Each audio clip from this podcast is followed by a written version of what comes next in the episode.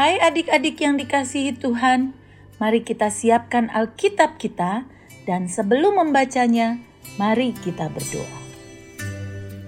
Tuhan Yesus yang baik, saat ini kami mau membaca firman-Mu.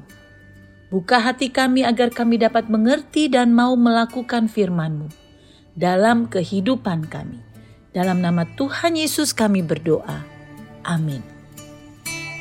Kita akan membaca firman Tuhan dari Mazmur 37 ayat 25 sampai 28. Mazmur 37 ayat 25 sampai 28. Dahulu aku muda, sekarang aku telah menjadi tua. Tetapi tidak pernah kulihat orang benar ditinggalkan atau anak cucunya meminta-minta roti. Tiap hari ia menaruh belas kasihan dan memberi pinjaman, dan anak cucunya menjadi berkat. Jauhilah yang jahat dan lakukanlah yang baik, maka engkau akan tetap tinggal untuk selama-lamanya.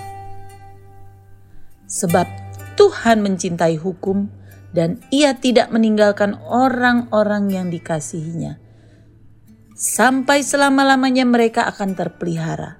Tetapi anak cucu orang-orang fasik akan dilenyapkan. Demikian firman Tuhan.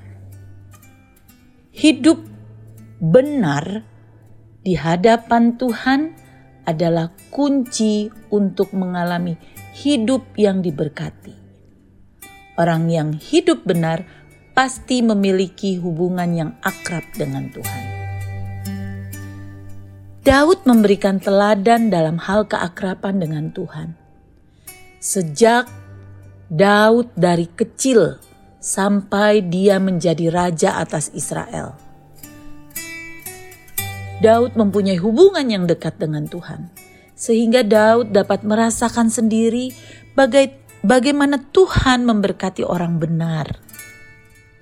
Dalam ayat 25 dikatakan tidak pernah kulihat orang benar ditinggalkan atau anak cucunya meminta-minta roti. Artinya, keluarga yang mempunyai hubungan yang akrab dengan Tuhan akan diberkati sampai kepada anak cucu kita nanti.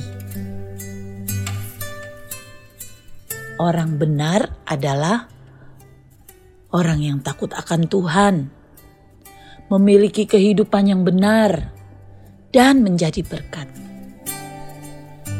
Mari adik-adik, kita belajar dari Daud yang mempunyai hubungan akrab dengan Tuhan, agar keluarga kita diberkati dan dipelihara oleh Tuhan sampai anak cucu kita nanti. Mari kita berdoa. Tuhan Yesus, kami bersyukur punya keluarga yang diberkati Tuhan Tolong kami agar dapat menjadi orang benar di hadapan Tuhan dan dapat menjadi berkat bagi orang-orang di sekitar kami.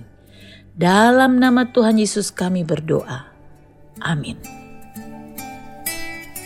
Mari kita ucapkan bersama bersama-sama, aku mau menjadi orang benar.